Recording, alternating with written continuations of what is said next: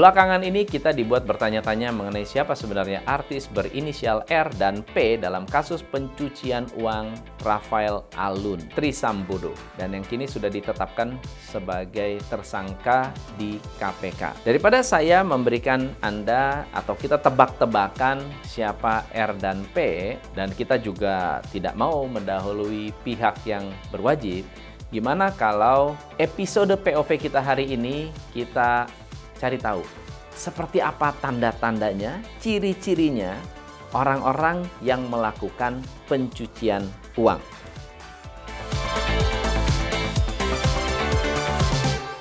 Money laundry, pencucian uang adalah sebuah proses untuk menyamarkan atau menyembunyikan asal-usul uang yang diperoleh dari kegiatan ilegal. Sehingga uang tersebut terlihat berasal dari sumber yang sah dan dapat digunakan untuk transaksi legal tanpa menimbulkan kecurigaan. Pencucian uang biasanya melibatkan tiga tahap. Yang pertama adalah placement, yang kedua layering, yang ketiga adalah integration. Tahapan yang pertama yaitu placement atau penempatan uang hasil kegiatan ilegal ini akan ditempatkan ke dalam sistem keuangan. Biasanya dilakukan dengan cara menyetor uang tunai ke rekening bank atau membeli aset seperti properti atau barang mahal. Pada tahap pengelabuan atau layering, uang ini diganti bentuknya menjadi transaksi keuangan dengan akun-akun yang berbeda sehingga susah untuk dilacak. Pada tahap integrasi, uang ini sudah bersih. Uang ini sudah dibawa kembali, ditarik kembali ke dalam ekonomi melalui transaksi yang sah seperti investasi, pembelian aset, kemudian aset itu bisa dijual, bisa menguangkan kembali tanpa menimbulkan kecurigaan. Nah, di bagian ini kita akan membahas tentang sebuah contoh kasus pencucian uang yang Anda bisa samakan. Coba diciri-cirikan nih Kira-kira ada nggak yang mirip-mirip dengan beliau? Ada seorang bernama Pablo Escobar. Dia adalah pengedar narkoba dan pemimpin kartel narkoba Medellin yang berasal dari Kolombia. Lahir 1 Desember 1949, meninggal 2 Desember 1993. Escobar memimpin salah satu kartel narkoba paling kuat, paling kejam di dunia di tahun 1980-an hingga awal 90-an. Diperkirakan mengendalikan sekitar 80% pasokan kokain ke Amerika Serikat. Escobar memperoleh kekayaan yang luar biasa dari bisnis narkotikanya dan diperkirakan memiliki kekayaan bersih sekitar 30 miliar dolar pada puncak kejayaannya di masa itu. Dia terkenal karena tindak kekerasan yang dilakukan untuk melindungi bisnisnya, termasuk membunuh ratusan orang yang mencoba menghentikan atau mengganggu operasi narkotiknya. Pablo Escobar dikenal melalui pencucian uang dalam skala besar menggunakan cara-cara yang sangat canggih dan kompleks. Ia memanfaatkan bisnis yang sah seperti perusahaan konstruksi, perkebunan, restoran untuk mencuci uang. Hasil kejahatannya Escobar menyalahgunaan sistem perbankan di Kolombia dan negara-negara lain untuk memindahkan uang secara diam-diam. Selain itu, Escobar juga terlibat dalam praktek pencucian uang yang lebih sederhana, seperti mengirimkan uang ke rekening bank di luar negeri dan membeli properti dan aset bernilai tinggi seperti mobil mewah, kapal pesiar, kalau zaman sekarang private jet, dengan uang hasil kejahatannya. Nah, untuk menyembunyikan sumber kekayaannya, Escobar juga menyimpan uang dalam bentuk tunai di lokasi yang berbeda-beda dan menggunakan jaringan orang-orang yang dipercaya untuk mengelola uang hasil kejahatan beliau. Bahkan meskipun dia melakukan kejahatan, kekejaman, Escobar dianggap sebagai pahlawan oleh orang-orang di negaranya. Kenapa? Karena orang ini tampil karismatik. Kepribadiannya itu menarik. Orangnya sangat royal, filantropis. Ya, ini gambaran Robin Hood dan dia membela seolah-olah membela rakyat kecil. Pokoknya punya idealisme yang disukai oleh orang-orang di negaranya. Walaupun banyak yang mengagumi Escobar, penting untuk kita ingat bahwa pencucian uang adalah kejahatan yang serius yang menimbulkan dampak yang buruk pada masyarakat. Nah, untuk menghindari orang-orang yang terlibat dalam pencucian uang, kita harus berhati-hati dan waspada terhadap aktivitas keuangan yang tidak wajar, seperti transaksi besar, transaksi berulang, penggunaan bisnis tunai, atau penggunaan perantara. Nah, sekarang tanda-tandanya apa nih? Ada orang yang terlibat dalam pencucian uang.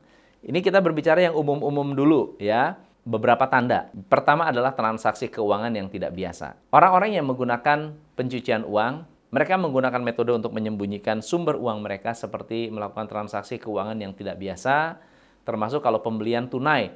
Wah, bawa tas di koper nyumbang, wah tas dalam koper udah nggak nggak nggak main-main itu.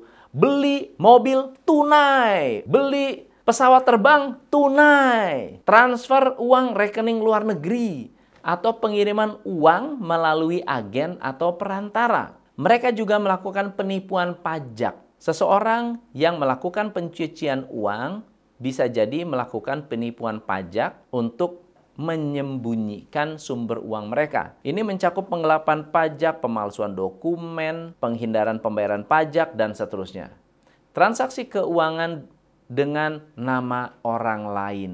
Beli mobil, saya yang bayar, namanya nama pembantu, nama tukang kebun, namanya nama tetangga. Jadi kalau ditanya, itu punya siapa? Oh itu punya dia, bukan punya saya. Padahal yang punya atau tetangganya adalah kuli bangunan yang nggak mungkin beli Mercy. Bisa jadi menggunakan nama orang lain untuk transaksi bisnis atau transaksi keuangan, membuka rekening bank, membeli properti, melakukan investasi. Ini dilakukan untuk menyembunyikan identitas dan sumber uang mereka mereka juga cenderung masuk ke dalam bisnis-bisnis yang buat orang lain adalah bisnis yang tidak menguntungkan, tapi buat orang ini kok bisnisnya booming gitu. Kok masuk ke bisnis-bisnis yang jelas-jelas menurun atau tidak terlalu atraktif. Jadi keterlibatan bisnis yang tidak jelas bisa jadi adalah tanda-tanda bahwa mereka sedang mencuci uang.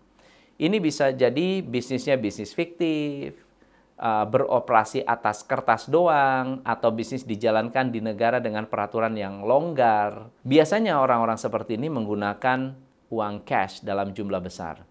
Penggunaan tunai dalam jumlah yang besar. Menunjukkan bahwa mereka mencoba menyembunyikan asal-usul uang mereka karena transaksi tunai biasanya susah dilacak. Lalu ada modus-modus apa? Menteri Koordinasi Bidang Politik, Hukum, dan Keamanan, Pak Mahfud MD, mengungkapkan beberapa modus pencucian uang yang telah merajalela di Indonesia.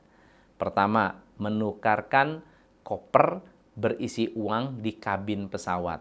Menurut Mahfud MD, modus ini merupakan salah satu modus penyelundupan yang paling banyak terjadi. Menukar uang korupsi dalam bentuk rupiah ke mata uang dolar Singapura dengan alasan menang judi. Karena di Singapura judi itu halal. Lalu dibawalah ke Indonesia padahal itu uang negara. Modus oknum Kementerian Keuangan dalam dugaan TPPU dengan jumlah 349 triliun, Kepala PPATK Ivan Yustia Vandana menyebutkan modus dugaan tindak pidana pencucian uang di lingkungan Kemenku menggunakan rekening atas nama orang lain, menggunakan perusahaan cangkang sebagai alat pencucian uang. Bahkan satu oknum bisa memiliki 5 hingga 8 perusahaan cangkang seperti istri, anak, supir, tukang kebun, dan seterusnya. Jadi pertanyaannya, kapan Indonesia bisa maju? Jika hal-hal ini masih sulit untuk diberantas. Sekarang kita bahas tentang taktik pencucian uang dalam dunia bisnis. Para pelaku pencucian uang dapat menggunakan berbagai macam bisnis dan industri untuk mencuci uang. Ini adalah beberapa hal yang paling umum. Yang pertama adalah bisnis entertainment. Itu paling gampang, paling banyak karena hype, cash basis, dan ya sulitlah untuk dideteksi. Apalagi kalau melibatkan artis. Kasino Kasino sering digunakan untuk mencuci uang karena mereka berurusan dengan jumlah uang besar dan sulit untuk dipantau. Contohnya misalnya, Anda bawa uang tunai, belikan chip di kasino, Anda dapat chip dong, lalu Anda main satu dua, menang kalah, Anda balik lagi ke kasir, tukarkan, udah uangnya sah. Real estate. Banyak sekali pencucian uang membeli properti. Propertinya banyak di mana-mana. Nah, properti real estate dapat digunakan untuk mencuci uang melalui pembelian penjualan properti. Pelaku pencucian uang dapat menggunakan perusahaan palsu untuk membeli dan menjual properti untuk menyembunyikan sumber dana mereka. Financial service. Pelaku pencucian uang dapat menggunakan layanan lembaga keuangan bank atau perusahaan investasi, asuransi untuk memindahkan dan menyembunyikan dana mereka. Arts and antiques, beli benda-benda dengan nilai tinggi untuk mencuci uang mereka karena nilainya tinggi, jadi tidak ada transparansi dalam transaksi. Cash intensive, bisnis yang berurusan dengan bisnis tunai. Contohnya apa? Bar, resto, toko retail. Ini bisa dipakai untuk pencucian uang dengan mencampurkan dana legal dan dana yang ilegal. Ekspor import juga bisa digunakan untuk memasukkan atau memindahkan uang lintas batas. Kenapa? Karena jadi samar nilainya. Pelaku pencucian uang juga menggunakan online business, e-commerce, gaming online untuk menyembunyikan dana mereka. Teman-teman, ingat, Penting sekali untuk kita catat bersama-sama bahwa bisnis seperti ini tidak secara inherent terlibat dalam pencucian uang. Dan banyak bisnis-bisnis yang sah memilih untuk tidak ikut dalam tindak pencucian uang yang seperti ini. Di Indonesia, tindakan pencucian uang sudah diatur dalam Undang-Undang Nomor 8 Tahun 2010 yang mengatakan menempatkan, mentransfer, mengalihkan, membelanjakan, membayarkan, menghibahkan, menitipkan, membawa ke luar negeri, mengubah bentuk, menukarkan dengan mata uang atau surat berharga atau perbuatan lain atas harta kekayaan yang diketahuinya atau patut diduga merupakan hasil tindak pidana dengan tujuan menyembunyikan atau menyamarkan asal-usul harta kekayaan, menyembunyikan atau menyamarkan asal-usul sumber, lokasi, peruntukan, pengalihan hak-hak atau pemilik kepemilikan yang sebenarnya atas harta kekayaan yang diketahuinya merupakan hasil tindak pidana.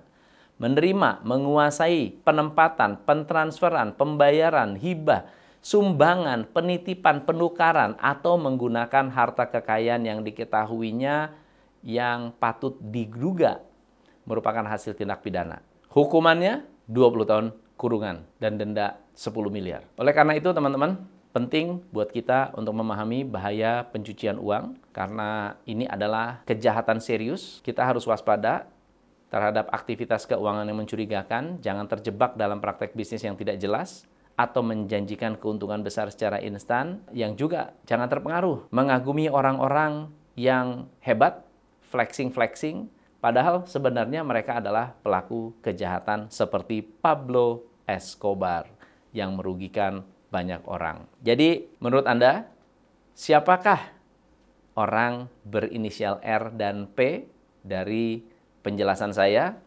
Silahkan komen di bawah. Saya Tom MC Ifle, salam pencerahan. Hanya di Top Coach Indonesia.